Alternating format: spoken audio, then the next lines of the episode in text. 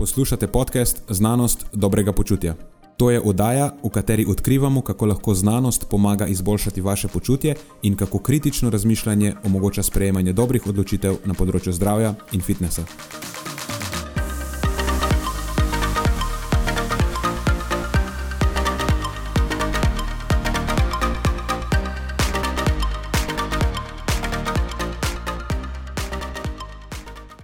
Pozdravljeni, z vami sva Nenad in moj sovoditelj Matjaš. Glavni temi tokratne epizode sta najprej povezava skupnih družinskih obrokov v otroštvu s kakovostjo prehrane in s prehrano povezanimi vedenji v odrasli dobi, potem pa domnevni ugodni učinki uživanja make. Preden začnemo, pa se moram zahvaliti še našim sponzorjem. Zaenkrat to še vedno ni velika korporacija, temveč zvesti poslušalci, ki nam izkazujete zaupanje in podporo s prijavo v našo člansko skupino Znanost dobrega počutja. Hvala vsem, ki s tem držite luči prižgane in omogočate podkastu, da raste in postaja še bolj kakovosten. Hvala tudi vsem, ki nas podpirate s pozitivnimi komentarji in visokimi ocenami, ter s tem, da priporočate podcast svojim znancem in prijateljem. Zdaj pa je končno čas za začetek epizode. Uživajte ob poslušanju.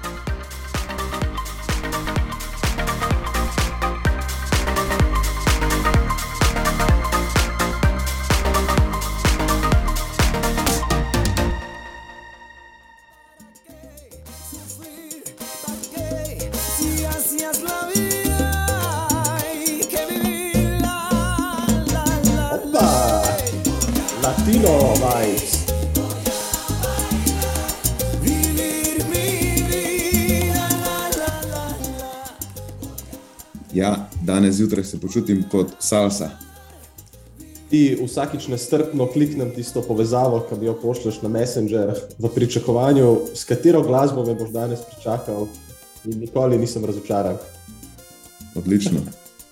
Ampak zlatino vibe si tlebe pa vedno dobiš, veš, to, pa, to je pa vedno dobrodošlo. Spustimo še malo Mark Anthonyja.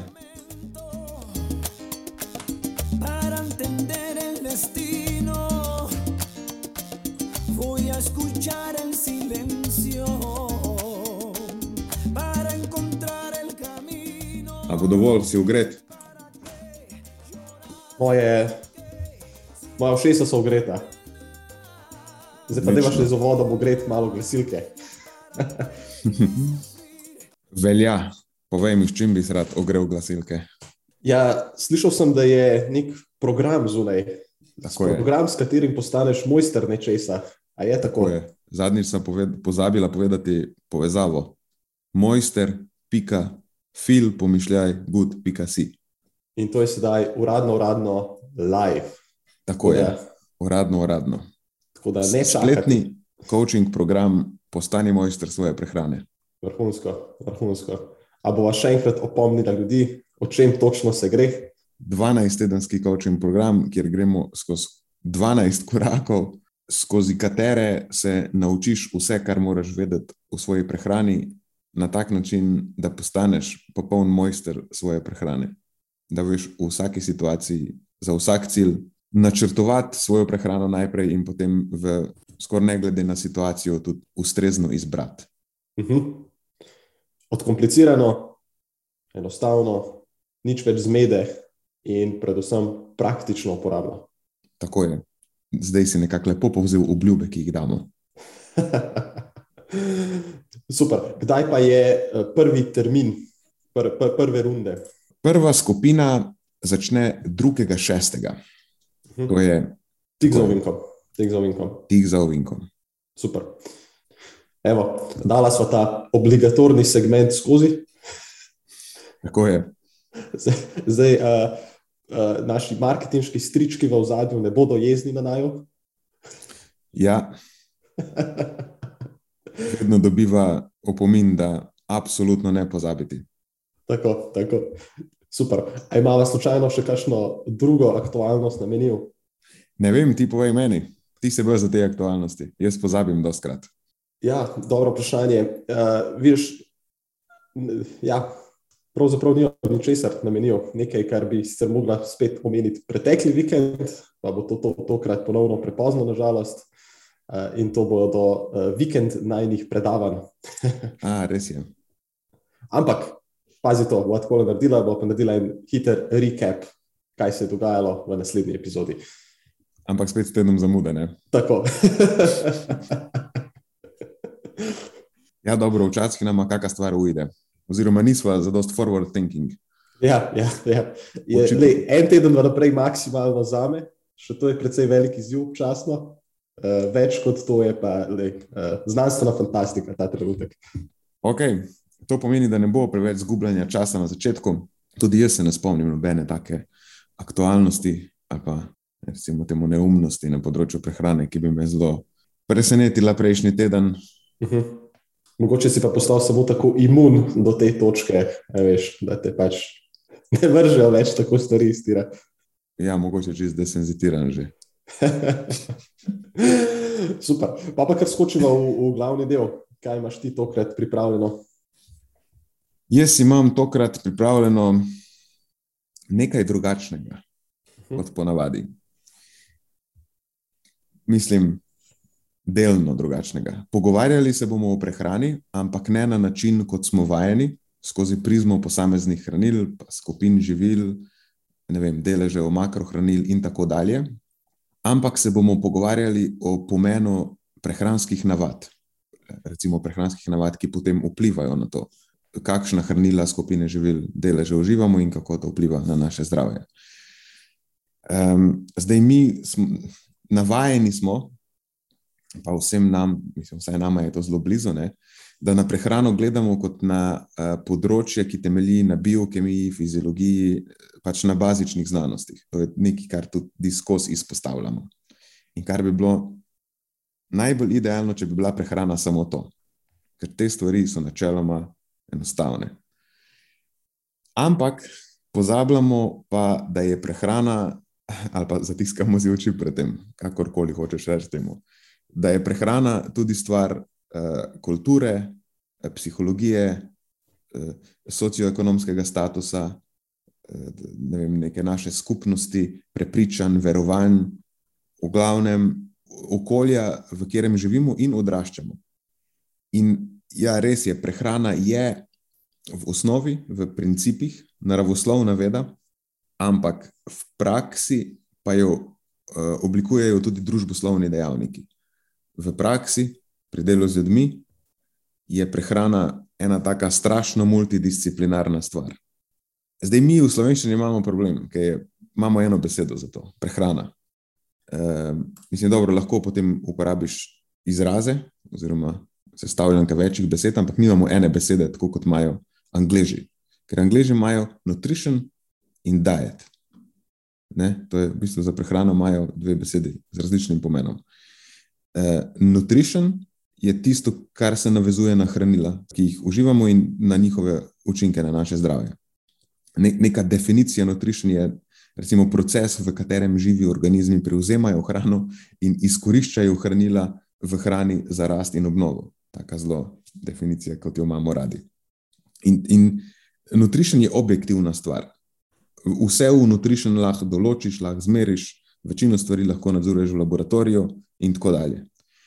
No, potem po drugi strani imaš pa diet. Po slovensko mogoče bi temu lahko rekli prehranske navade. Če nutrition rečeš, da so prehranske potrebe na nek način, čeprav ni gliči z dober izraz, imaš diet, ki so prehranske navade, ki jih ljudje imajo. No, to pa je tista stvar, ki ni objektivna, ampak je tudi na večjih ravneh zelo subjektivna ker te prehranske navade so vedno pod vplivom nekih kulturnih, eh, okoljskih, eh, ne vem, verskih, regionalnih, eh, socioekonomskih, teh takih dejavnikov, ki jih mi nimamo, ki jih najbolj radi, ker so zapleteni. In jih je težko meriti, in so pač subjektivni. E, tako da prehrana kot nutrition je v tej svoji eh, najbolj osnovni, bazični različici preprosta. Ampak prehrana kot diet pod vplivom družboslovnih dejavnikov, pa je zelo komplicirana ali pa kompleksna. In ko delamo z ljudmi, ko poskušamo spodbujati ljudi, da spremenijo svojo prehrano na bolje, zdaj, a smo to svetovalci, ki delamo s posamezniki, ali so to neke organizacije, ki dajo neke javno zdravstvene nasvete, je v bistvu zelo podobno. Um, ne, ponavadi se zatakne pri tej drugi točki.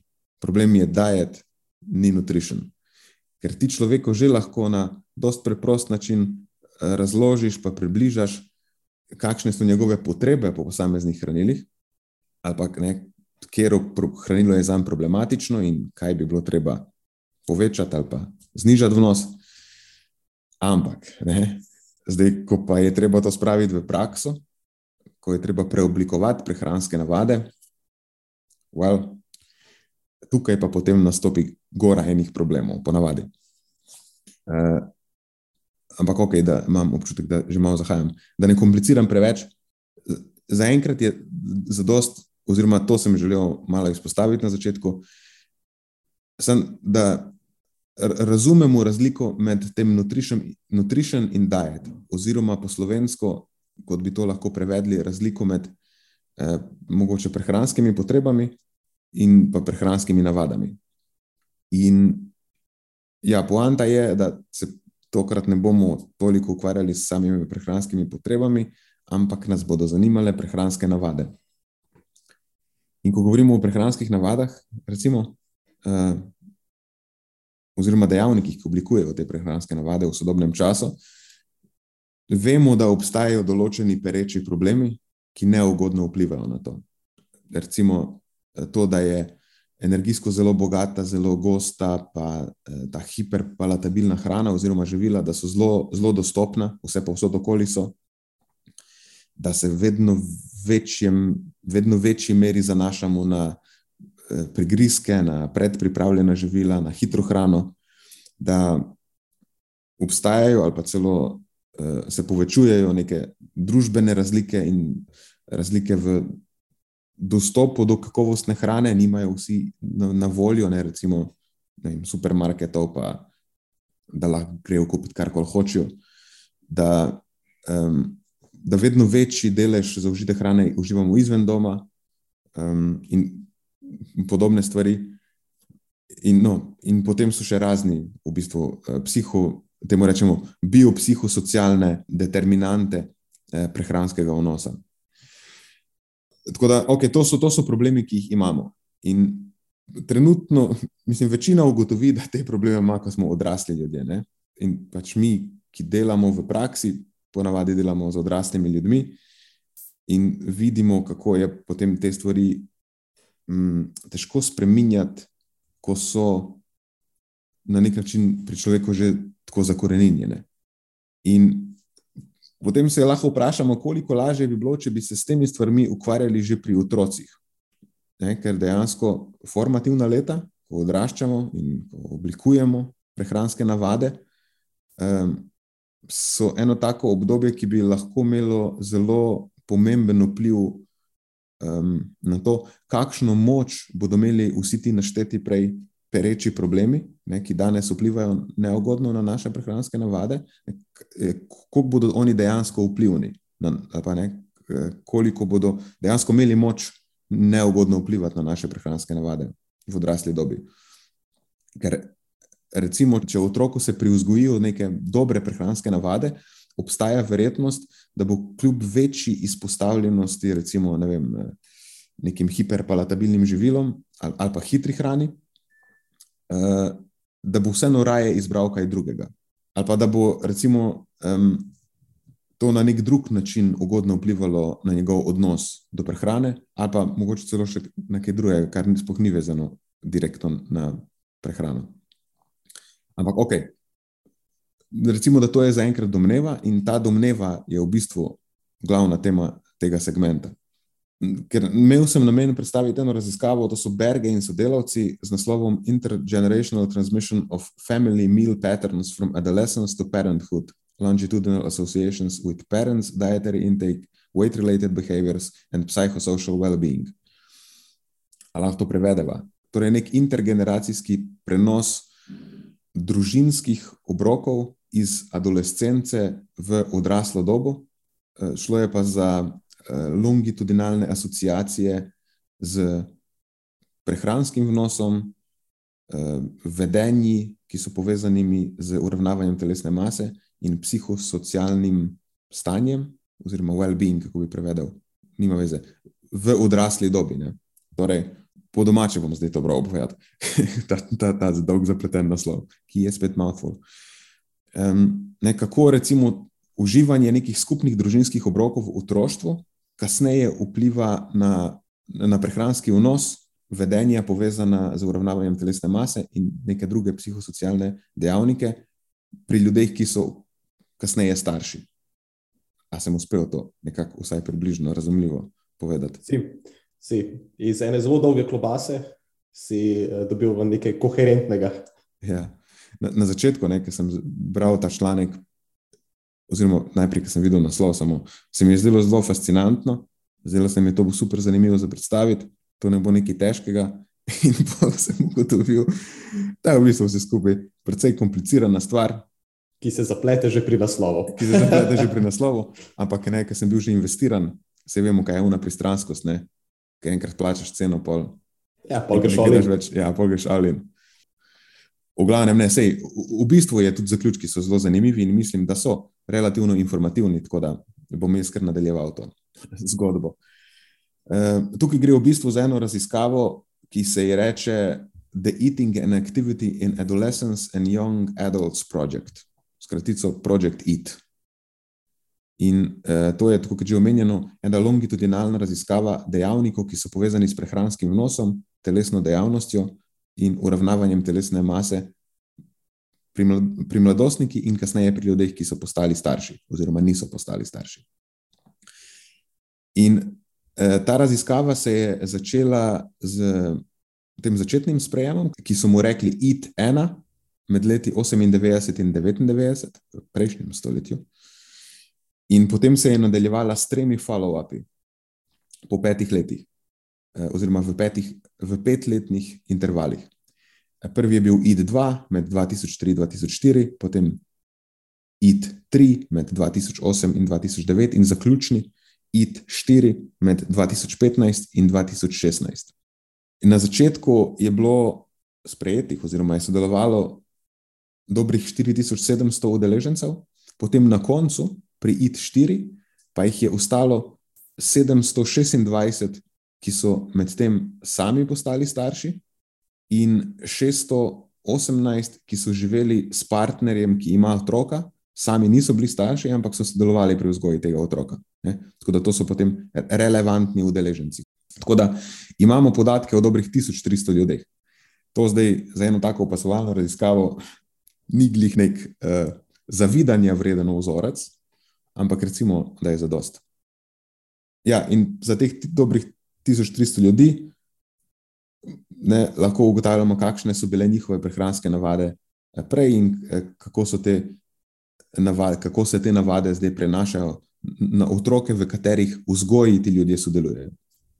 In glavna hipoteza eh, raziskave je bila, da bodo otroci, ki so imeli redne družinske obroke pri IT-1, takrat, ko so bili oni vključeni kot otroci, da bodo kasneje oni kot starši te navade prenesli na svoje otroke in da bo to povezano z boljšo kakovostjo prehrane eh, in manj nezdravimi vedenji, povezanimi z uravnavanjem telesne mase v gospodinstvu. Ne. Niso pa merili pri otrocih, ampak so razmišljali, da um, če izmerijo v narekovajih ne, zdaj prehranske navade pri teh odraslih, da se to na nek način prenaša na otroke.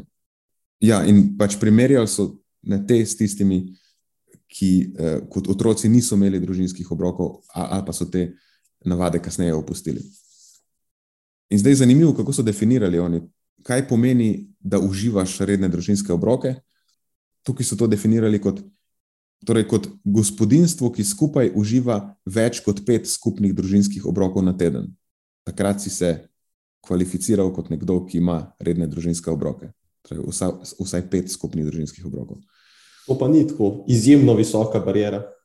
Ja, ni izjemno. Ampak razumljivo, seveda. Ja, recimo, da ljudje delajo, da so otroci v šoli in da, da potem tudi zvečer, včasih, kak dan pride kaj mimo in da vsaj. Ja, seveda. Življenje pride v mesto, to je razumljivo. Ja. Pet je čist kulturna številka. Recimo, da je pet vseeno neka konsistenca. Eh, no, ampak Zdaj, da bi lahko oni primerjali pač izhodišče s temi follow-upi, so potem udeležence razdelili v štiri kategorije. Vi so te štiri kategorije potem primerjali uh, med sabo, in te štiri kategorije so bile, glede na pogostost skupnih družinskih obrokov, v izhodišču in potem po 15 letih. Prva je bila, da lahko mi pomagaš, nisem najdel dober, dobrih slovenskih prevodov. Maintainers. Maintainerji so bili tisti, ki so poročali več kot pet skupnih družinskih obrokov, tako v izhodišču, kot kasneje po 15 letih. Ne? Pomeni, da so vzdrževali, recimo, da so bili vzdrževalci. To so vzdrževalci, to so tipični vzdrževalci. Ja, da so vzdrževali te skupne družinske obroke iz otroštva in so jih potem prenesli na otroke, za katere so skrbeli. Potem so bili stoperji, to so tisti, ki so prenehali, prenehovalci. Boš našel boljšo besedo. To so tisti, ki so v otroštvu poročali o več kot petih skupnih družinskih obrokih, torej ne, v izhodišču, ampak po 15 letih tega niso več počeli. Pomeni, da te navade niso prenesli na svoje otroke oziroma otroke, za katere so skrbeli. Potem so bili starterji, torej tisti, ki so začeli um, imeti skupne družinske otroke v odrasli dobi, oziroma ko so imeli že nekoga, za katerega skrbijo, ker so o tem poročali po 15 letih, ampak v izhodišču pa niso poročali, da uživajo več kot pet skupnih družinskih obrokov. V, takrat, ko so odraščali, tega niso imeli, ampak so se odločili kasneje za to. In potem so bili nevers, torej tisti, ki nikoli niso bili deležni petih skupnih družinskih obrokov, niti v izhodišču, niti po 15 letih. Zdaj za vzdrževalce mava ime, za ostale nekako nimava, ne? tako da jaz bom kar main, maintainers so tisti, ki so imeli skozi, stoppers so tisti, ki so v odrasli dobi nehali, starters so tisti, ki so v odrasli dobi začeli, in pa nevers so tisti, ki niso nikoli imeli, niti nikoli začeli. Upam, da bo to zdaj razumljivo. Bo. Good. In zdaj rezultati. Najprej, kar se tiče prehranskih povezav oziroma prehranskega vnosa, kako je zadeva vplivala na prehrano, kot jo merimo in nutrition sense, torej v nutrition smislu. Zanimivo, da ni bilo nekih zelo tako, tako da bi bilo full enih povezav z različnimi relevantnimi temi eh, prehranskimi dejavniki, recimo uživanjem sadja in zelenjave, sladkih pijač, ne, tega nekaj ni bilo. Um, je pa zanimivo, da se je izpostavila povezava, da v primerjavi pač z never kategorijo, to je bila referenčna kategorija v vsakem primeru. Torej, vse so primerjali z, z tistimi, ki niso nikoli tega delali. Ne, in v primerjavi s to never kategorijo so recimo starterji in maintainerji imeli nižjo uh, verjetnost uživanja hitre hrane. Tako da tako starterji kot maintainerji so se, um, govorimo v odrasli dobi, zanašali na manj na hitro hrano, kar je vse na nek način logično. Če imaš več obrokov doma, najbrž boš manj hitre hrane užival. Um, no, pa, pa smo pri vedenju povezanim z uravnavanjem telesne mase. In spet v primerjavi z neveri so se starterji in maintainerji manj pogosto posluž, posluževali nezdravih vedenj povezanih z uravnavanjem telesne mase. Pomeni, da so pač manj so bili izpostavljeni tveganju za neke te eh, skrajne diete, čudne pristope, eh, obremenjevanjem, s hujšanjem in, in takimi stvarmi. Tako da to je pa se mi zdi kar pozitiven. Ne? Mislim, pozitiven, uh, kako bi temu rekel, uh, posledica tega, da imaš neke skupne obroke. Najbrž res se oblikuje neko bolj zdravo okolje, nek bolj zdrav odnos uh, do prehrane, kot pa če si pač prepuščen sam sebi in um, se ti tudi ne priuzgojijo neke stvari, mogoče. Mhm. Res je. Ja. No, potem Neka sorodna stvar je ta binge eating, to je po slovensko je kompulzivno prenajedanje. Spet v primerjavi z never kategorijo so imeli starterji in maintainerji približno 50 odstotkov nižje tveganje za binge eating, kar je v bistvu še ena zelo pozitivna stvar. Spet, očitno, če um, vsaj del tvojih, tvoje prehrane poteka v okolju z drugimi ljudmi, je manjša, najbrž verjetno za neko, neke vzorce motenega prehranjevanja. Mislim, to je tudi v praksi čisto anekdotično, če gledaš. Ko ti enkrat ješ z ljudmi, um, pa ki si socialno vključen, ki, imaš, ki, se, ki se imaš tudi pri prehrani uh, ukvarjati z nekimi drugimi stvarmi, ja, veš, ki se ne obremenjuješ samo s tem, kaj ješ, pa kako bo to zdaj vplivalo na, um, ne vem, kako zgledaš pa ne, ker imaš tudi neko varnost okolja, pa ne ljudi, s katerimi ješ, vezano na to prehrano, pa se valjda, da je manjša verjetnost, da, boš, eh, da, da bo tvoja prehrana zavila po tej neki taki čudni poti. Um, ker kdaj imajo ljudje težave s prehrano, takrat, ker so prepuščeni sami sebi. Mislim, fulje. Ful je zanimivo, ne dlje časa, ki delam z ljudmi pri prehrani, bolj ugotavljam, kako ljudje nismo dobri v tem, da obstajamo sami s sabo. Pač da smo na koncu zelo družabne živali in da so ljudje prepuščeni sami sebi, vedno se izrazi, vsaj na nekem področju, kot nek manj ugoden izid. Dobro, da ne zaključujem. Ja, na številnih različnih področjih. Ja. Uh, če se spomniš, ena izmed prvih epizod tega podcasta, takrat, ko je uh, famozni virus prvič prišel v naše življenje, si govoril tudi o samoizolaciji in negativnih vplivih lete. Uh, spet, samo še eno izmed teh področji, ki se to negativno odrazi. Ja, ja. Uh, ja. res je. Ok, uh, kje sem ostal jaz? Aha, malo še, no, to je pa še ena zanimiva stvar, ki, ki je. Um, S katero so se sicer v, v tem članku oziroma raziskavi manj ukvarjali, ampak me je zanimala, pa sem šel malo preveriti. In v bistvu zelo zanimiva stvar so neki drugi psihosocialni dejavniki, eh, ki niso vezani nujno na prehrano. Ampak zanimivo, kako lahko naše temu, odejstvovanje na prehranskem področju tudi na neke druge stvari zelo pomembno vpliva. Eh, so psihosocialni dejavniki, ne, to imamo v mislih. V primerjavi z Never kategorijo so imeli starterji in maintainerji eh, značilno nižjo pogostost simptomov depresije in imeli so više občutke lastne vrednosti. Oziroma, tam, ne vem, če je to pravi prevod, v članku piše self-esteem, higher self-esteem so imeli, kar se mi je zdelo zelo zanimivo. Ampak se imam, bom več o tem kasneje povedal. Še ena zanimiva stvar je, kar se tiče rezultatov, je vpliv starševstva. Zanimivo je, da je bilo med starterji več tistih, ki so kasneje postali eh, starši oziroma skrbniki. Eh, kar pomeni, da če postaneš starš, je najbrž večja verjetnost, da boš začel izvajati to prakso skupnih obrokov. In pa med, med neverji je bilo več tistih, ki niso postali starši. Torej, ne, nekako, če nimaš otrokov, je večja verjetnost, da boš nehal imeti skupne družinske obroke. Ne? To pomeni tudi, da če živiš v gospodinstvu skupaj z nekom, če nimaš otrokov, zna biti, da boste prenehala imeti skupne obroke. Ne, nekako v tem kontekstu. Tako da je zelo zanimivo, da zdaj, če ugotovimo, da imajo skupni obroki neko, uh, nek ugoden učinek, ne, je v bistvu to, da imaš otroka lahko na nek način spodbuda ali pa eh, preventiva pred tem, da nehaš imeti uh, te skupne obroke, oziroma da tvoja prehrana še skozi ostane na višjem nivoju nekako zanimivo je, kako potem očitno, ko postaneš odgovoren za nekoga, tudi pri sebi, lahko opaziš ugodne učinke na zdravje. To je zdaj že malo napavšala. Pač ne, ne imeti otrok samo zato,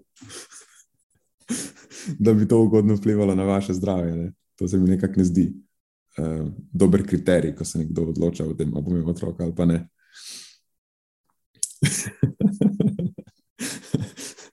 ok, good. Ampak zdaj, ok, vredo, če nekako pravimo, če, če začneva poskušati vleči to črto ne, za zaključek. Um, kaj, se, kaj so se meni zdeli, zdeli najbolj zanimive ugotovitve, je to, da pač uživanje več kot petih skupnih družinskih obrokov je eh, v vsakem primeru pomenilo znižanje pogostosti uživanja hitre hrane, eh, pomenilo je manj nezdravih vedenj, povezanih z ravnavanjem telesne mase, manj nekega binge-eatinga. Eh, Eh, recimo, boljše psihosocialno stanje. In to je, se je pokazalo tako pri maintainerjih, kot tudi pri starterjih. Okay? In po drugi strani, pa se stoperji niso razlikovali od neverjev. Tako da, kar nam to pove, oziroma kar lahko na podlagi tega, po mojem, najbolj samozavestno sklepamo, je to, da eh, skupni obroki v otroštvu sami po sebi najbrž niso preventivni v prehranskem smislu. Tukaj poudarjam v prehranskem smislu. Zdaj, zakaj je to pomembno, bom povedal kasneje, ampak v glavnem skupni, otroki, skupni obroki v otroštvu najbrž niso sami po sebi preventivni proti slabši prehrani v odrasli dobi. Ker tisti, ki so v otroštvu imeli skupne družinske obroke in so pa s tem uh, prenehali, niso imeli dosti boljših prehranskih navad kot tisti, ki skupnih družinskih obrokov v bistvu niso nikoli sploh imeli. Um, in plus to, da so bile na koncu prehranske navade maintainerjev in starterjev precej podobne. Tako da, kar po moje to pomeni, je, da imajo pač ti skupni družinski obroki uh, učinek takrat, ko trajajo. Zdaj, če se uspejo prenesti na naslednjo generacijo, super, ker pa si imel benefite v otroštvu in v odrasli dobi. Ampak um, tudi če kot otroci teh navad nekako nimamo in jo uspemo vzpostaviti kasneje, bo to najbrž podobno koristno. Tako za naše zdravje, ali pa za naš odnos do prehrane, kot tudi za um, prehrano, pa odnos do prehrane pač otrok, za katere skrbimo. So, za, v bistvu za vse ljudi, ki so vključeni v to gospodinstvo, ki uživa skupne družinske obroke ali pa pač skupne obroke. Um, ampak zdaj pa un ampak, ne, zakaj sem prej izpostavil v prehranskem smislu, samo ker pač ta projekt se je ukvarjal v bistvu z prehrano, pretežno, ne z drugimi stvarmi.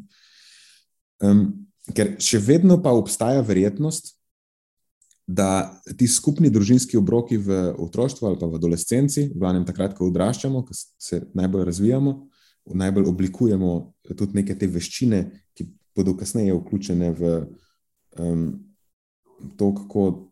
V kako dobrem stanju bomo na splošno, ne, ne samo v, bistvu v nekem telesnem smislu, ampak tudi duševnem, v glavnem, ki se te stvari oblikujejo.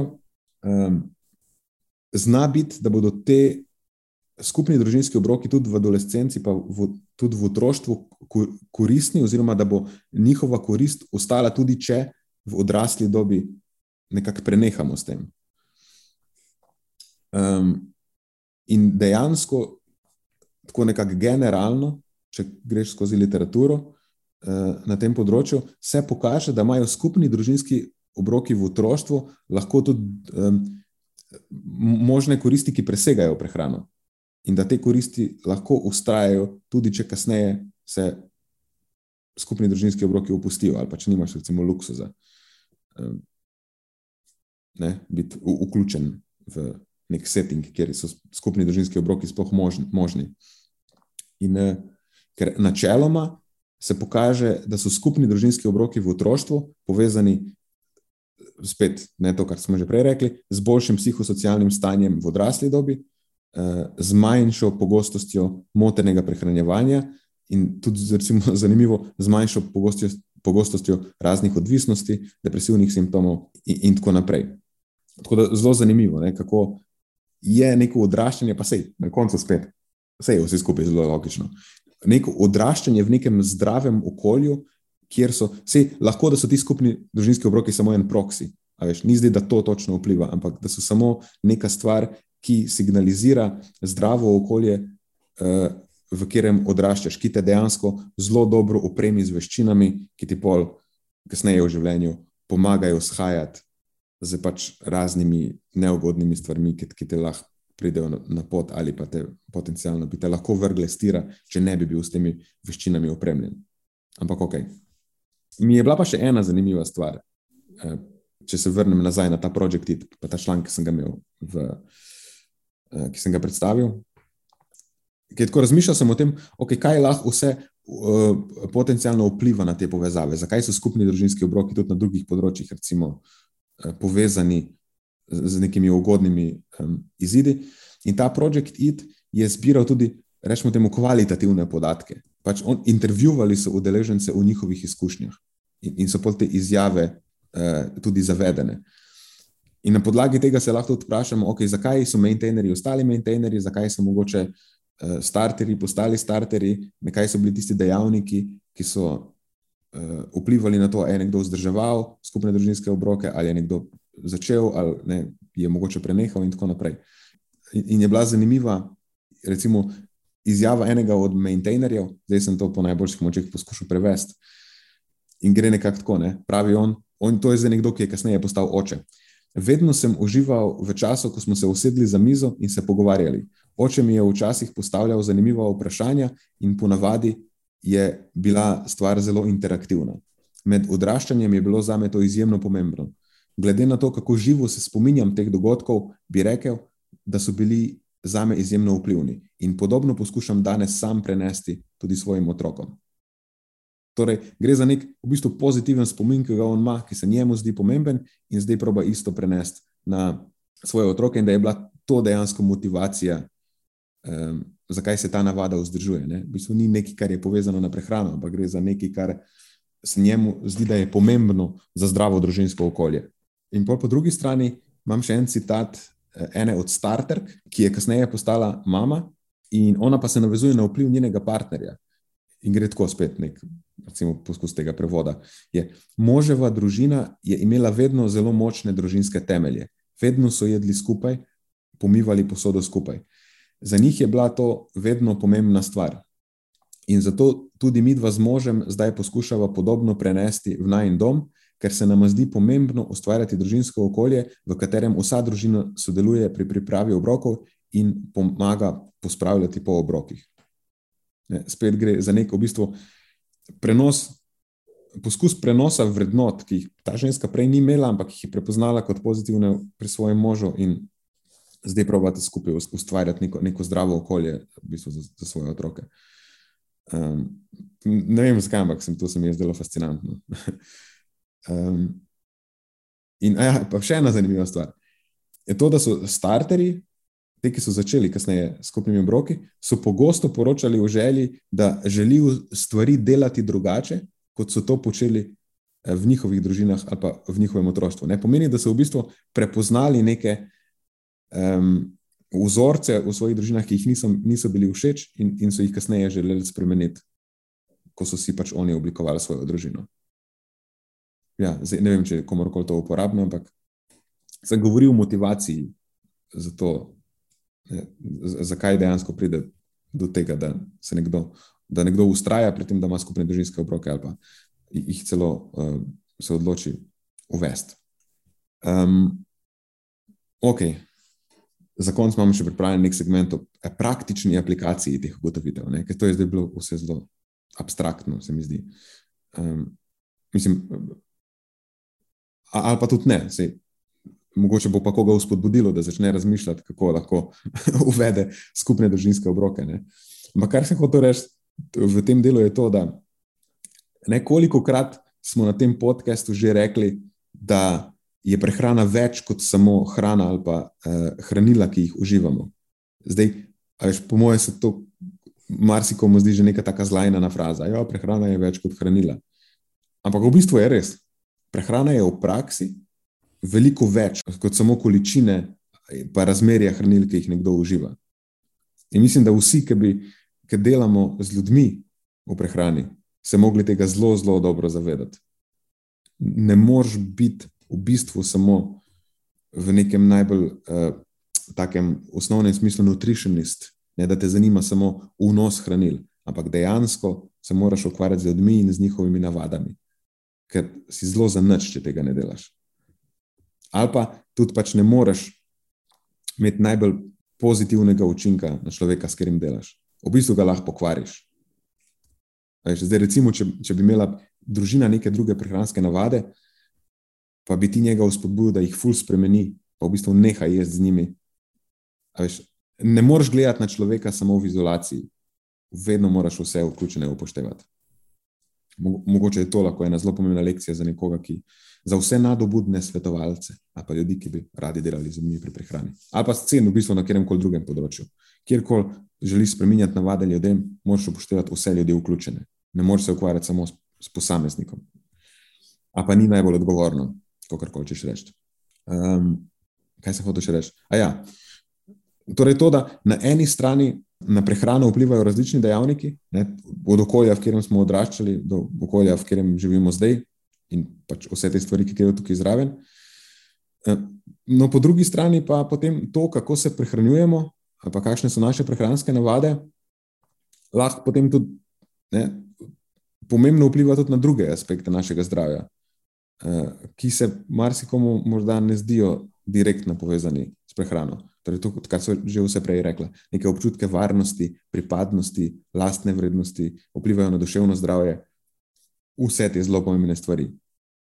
Tako da, kaj je um, mogoče uporabna vrednost tega mojega današnjega nakladanja, je to, da pač ti skupni obroki so lahko zelo pomembni. Ugotovili smo, da so povezani z bolj, bolj kakovostno prehrano, uh, tudi če ne zelo učitno, vsaj v določenih delih.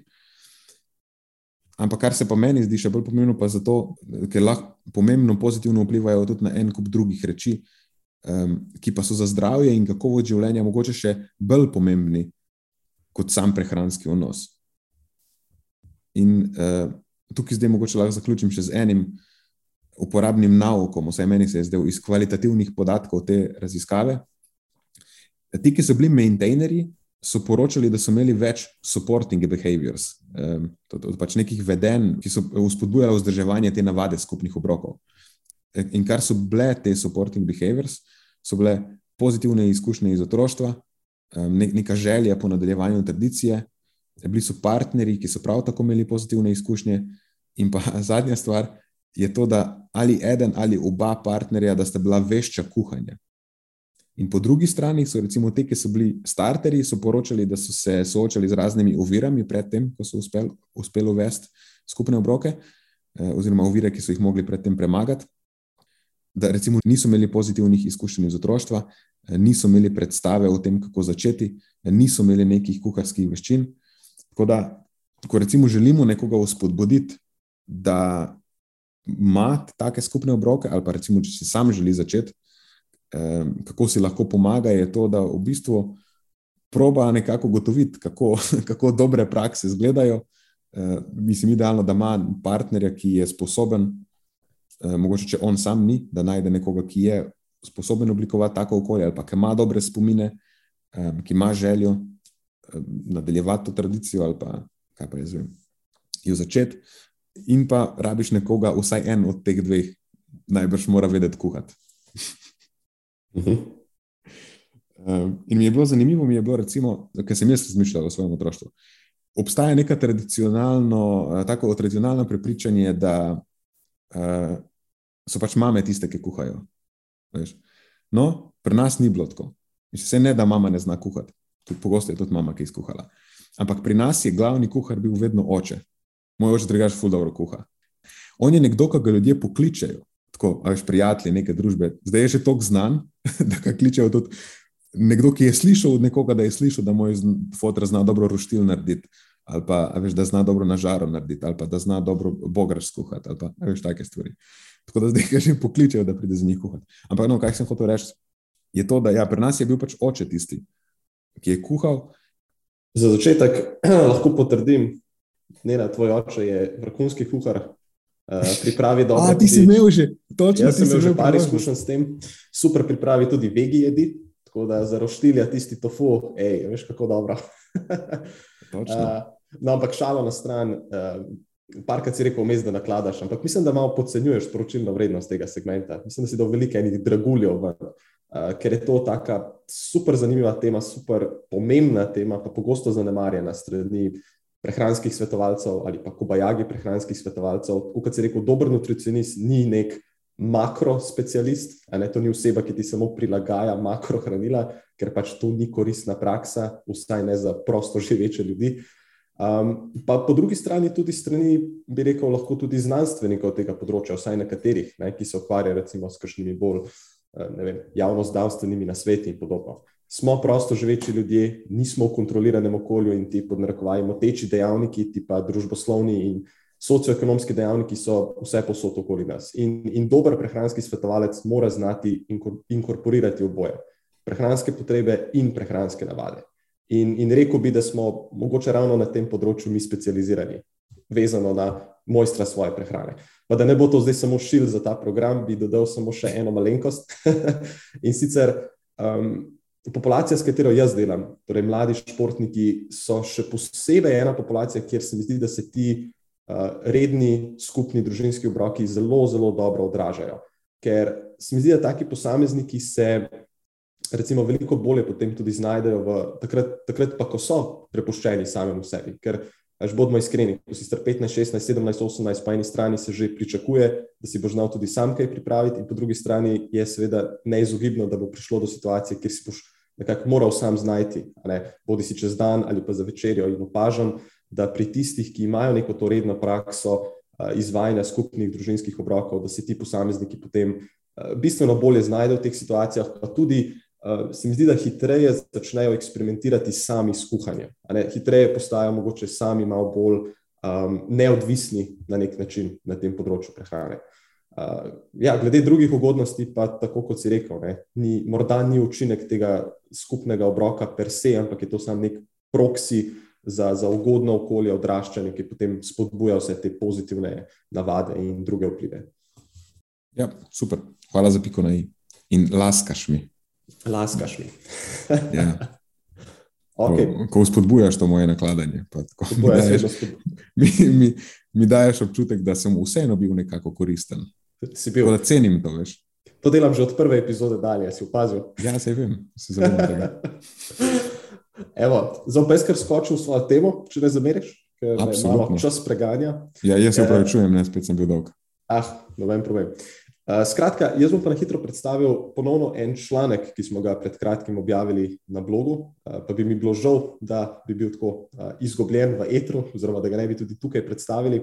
In sicer tokrat o maki, o kateri mislim, da se marsikaj govori, oziroma se pripisuje številne zdravstvene trditve. Uh, torej, poglejmo si, kaj dejansko drži in kaj ne. A ja, pa mimo grede, promogu sem jih preveriti, ali se izgovori maca ali maka. Okay, kako nisi, maka. kako nisi to vedel? nisem tega vedel, ampak to so stvari, ki me potem držijo po konci po noči. Kakšen prehranski svetovalec si, če ne znaš make izgovoriti? e, kaj, vem, da nisem edini. To sem že parkrat zasledil, to polemiko tudi pri, uh, pri Skirdedju, Jrneju. Tako da, evo, Jrnej, poslušaš to slučajno, uh, maka se izgovori, zdaj lahko tudi ti mirno spiš. Uh, okay. Skratka, šalo na stran. Maka je rastlina, ki se prideluje že celo kupico let in to primarno v, v andskih državah, še posebej v Peruju, je taka tradicionalna rastlina. Uh, ima tako zelo značilno aromo, pa značilen okus. Mislim, da vsak, ki je probal mako, dobro ve, o čem govorim. Uh, kar se tiče hranilnih vrednosti, je pravzaprav na las podobna žitom. Večji delež jo sestavljajo ugljikovi hidrati, pretežni delež le teh so polisaharidi, uh, približno 10 odstotkov tega so vlaknine, delež maščob relativno nizek, delež beljakovin tam v okolici desetih odstotkov in vsebuje relativno visok delež določenih vitaminov in mineralov, recimo vitamina C, ampak nič kaj pride više napram svojim drugim rastlinskim prijateljem iz te kategorije ali pa recimo napram sadju in zelenjavi. Tako da, ne vem, tako dost tipično, uh, tipična sestava žita bi lahko temu rekli. No? Nič kaj zelo, zelo fascinantnega ne moramo tukaj izpostaviti. Zdaj, če pa na hitro pogooglamo Mako, lahko v njej zasledimo res ogromno enih neutemeljenih trditev. Uh, rekli bi lahko, da je Maka za tiste, ki so najbolj odmaknjeni od strokovne literature, odlično dopolnilo v primerih težav s spolno funkcijo in zmanjšanja plodnosti, uh, v kontekstu motenj hormonskega sistema, predvsem v kontekstu menopauze in andropauze, uh, v kontekstu hormonskega neravnovesja, slabokrvnosti, poškodb, težav s kožo in zobmi, uh, slabe krvne slike, Nehecam se, zasledili smo celo trditve na, enem, na eni spletni strani nekega slovenskega proizvajalca, da maka deluje proti raku in da je odlična tudi kot alternativa anabolnim steroidom, ker krepi mišično maso. Res, veš, ni da ni očitno, ne, maka za vse. In seveda, če slučajno do te, tega zaključka niste prišli že sami, vse te izjave spremlja običajno nek izdelek, ne, ki seveda pač vodi v, v, v neko prodajno kategorijo in je na voljo, seveda, v specifični trgovini in pa vedno ne, nevrjetno ugodni ceni, ampak pustimo zdaj to na strani. Poglejmo si raje, kaj o maki dejansko pravi znanost. Uh, pozitivni učinki make res ne potrjujejo nobene dobro zasnovane raziskave na ljudeh, ampak so ti v najboljšem primeru ekstrapolirani iz podatkov, narejenih na živalskih modelih, uh, ali pa pogosto dejansko raziskav o določenih trditvah okoli make sploh ni. Ne? Torej so pač ti te trditve enostavno izmišljene za voljo, pogosto za voljo lažje prodaje prehranskih dopolnil. Um, tako da ne moramo kar tako zanemariti, da se rezultati raziskav na živalskih modelih praviloma ne prenesejo v omemne vredne mere tudi na ljudeh. Uh, o tem smo na podkastu že malo morajo krat spregovorili, a ne enat. Uh, in, in maka je recimo tipičen primer tega. Tako da Da vam dam en konkreten primer, kako se raziskave recimo, napačno interpretirajo in potem posplošijo iz živalskih modelov tudi na ljudi. Recimo imamo raziskavo od Klementa in sodelavcev iz leta 2010, ki poroča, da je uporaba make deset tednov zapored na bikih vodila do povečane koncentracije spermijev. In o povečani koncentraciji spermijev poročajo tudi Gonzales in sodelavci v svoji raziskavi iz leta 2004, ampak pri podganah na visoki nadmorski višini, ki lahko povzroči spermatogene motnje. In v tej točki bi ustavil en Marijo citat, ker me je na glas nasmejal pri samem peer reviewju tega članka. Torej, zadeva očitno deluje, če ste bik ali podgana na Mont Blancu. Verjetno pa ne potrebujete ravno znanstvenega naziva, da bi poznali odgovor na vprašanje, ali je na mestu posploševanje takšnih rezultatov na sicer zdrave ljudi, ki živijo v podrekovaj normalnem okolju. Uh, mislim, da tako zelo dobro povzame to vse skupaj. Ker, če si, če si pogledamo, kaj se dogaja, dejansko dogaja, uh, ko prenesemo te raziskave na ljudi, Ne? Recimo Gonzales in sodelavci v svoji raziskavi leta 2003, kjer so v 12-tedenski randomizirani in s placebom kontrolirani raziskavi na moških do, dopolnjevali njihovo prehrano z mako in ne poročajo nobenih razlik v serumskem testosteronu in estradiolu. In številne druge raziskave na ljudeh, ki so bile narejene zatem, tudi ne podpirajo pozitivnih učinkov make na spermato, spermatogenezo, delovanje testisov, raven hormonov in spolno slo. Tako da nekaj čisto drugega. Ne? Veš, pri živalih opazimo neke take mega, super, duper učinke, prenesemo te stvari na ljudi in puf, učinek kar naenkrat izgine. Ampak dajmo zanemariti to, pa se raje skoncentrirati na tiste živalske raziskave, zato ker pač bolje podpirajo našo, um, našo agendo, če se lahko tako izrazim.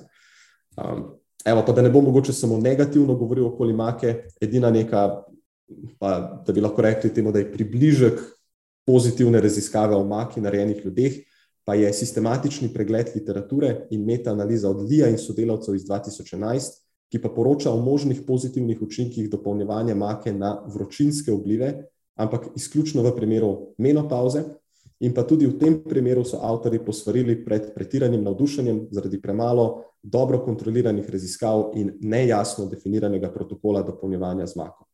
In pomembno je povdariti v tem kontekstu tudi dejstvo, da se je maka uporabljala zgolj kot dodatek hormonskemu nadomestnemu zdravljenju in ne kot njena alternativa. Tako da ne moramo izključiti mogoče nekaterih drugih dejavnikov, ki so bili tukaj vključeni. Ne verjamem, da je maka imela res nek uh, izrazit učinek.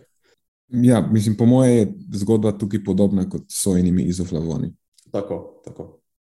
Kar se pa tiče nekih drugih trditev okoli make, ki jih pogosto zasledimo, recimo v kontekstu odpravljanja slabokrvnosti, težav s kožo, kostmi, zobmi ali pa v namen izboljšanja delovanja imunskega sistema ali celo lažjega hujšanja. Nič od tega ni podprtega z dokazi, ne na živalskih modelih, zagotovo ne na ljudeh, in vse to je v najboljšem primeru neke anekdotične narave, kar pa vemo, koliko je vredno ne, v, v veliki luči. Tako da, evo, če naredim hiter zaključek, z najmanjšo mero resnosti, iskreno, ne moremo zagotovo trditi, da ima maka koristne vplive na katerikoli zdravstveni parameter ali pa na telesne zmogljivosti. Pa da ne bo pomote, to ni segment proti maki, ampak je v bistvu bil bolj segment proti zavajanju na področju uporabe prehranskih dopolnil. Ker najbrž ste do te točke že dojeli, da so vsebine v prehrani bistveno bolj kompleksne, da bi se jih lahko delili samo na za ali pa proti, naj vedno obstaja neka sivina, In maka je vsekakor lahko del zdrave in uravnotežene prehrane, eh, pač tako kot katero koli živilo, ne na zadnje. In neko malenkost hranil lahko prispeva v to skupnost, čeprav, če smo si čisto iskreni, po nesorazmerno visoki ceni. Tako da, lej, če vam je maka všeč, super, potem vsekakor lahko nadaljujete z njenim uživanjem, ampak opozoril bi sam na to, da veš, zberimo vsaj tisto osnovno mero neko razumskosti in odgovornosti, ko komuniciramo o Eh, lastnostih make ali pa bilo katerega drugega podobnega produkta, ker v nasprotnem primeru samo prispevamo k zmedi a, na nekem področju in lahko dejansko škodimo človeku. Ja, tukaj sem eno stvar bi dodal še. Maka, v bistvu je to neka, neka korenina ali pa nek gomor. Temu v Peruju mako uživajo, kot mi uživamo repo, a pa, a pa redkvico, kot neko prilogo. In v bistvu to tudi je neka redkvica. Ker če nadenem svojo to biološko čepco, je pač to so brasikale sred, oziroma če gledamo družino, to so križnice. In veš, tam isto iz tega delajo nek ne vem, pire, eh, pač neke zelenjavne priloge. In to, da mi tukaj kupujemo mako kot nekaj super specialnega, je, kot da bi tam v Peruju prodajali repo. Pa bi rekli, da Mhm. okay, ta repa je zdaj, vam bo pomagala za to, pa za uno. V bistvu je maka repa iz drugega konca sveta, naš drugega. Ja, ki pa je uh, nekako skozi, skozi čas dobila nek tak mistični pridih v našem koncu sveta, dočim tam je Ja. pač običajna priloga ali pa začimba ali pa kakorkoli že pač. Ja, za nas je pač to eksotična zadeva. Tako. Ok, a pomeni, da so prišla do konca. Ja, to je to. In še celo v času. Znotraj časovnih okvirjev, ne morem verjeti. Izjemno, Matjaš.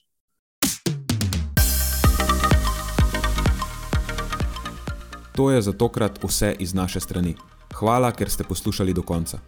Delite epizodo s svojimi znanci in prijatelji in jo priporočajte dalje, saj s tem omogočite, da sporočilo znanost dobrega počutja doseže čim večjo množico.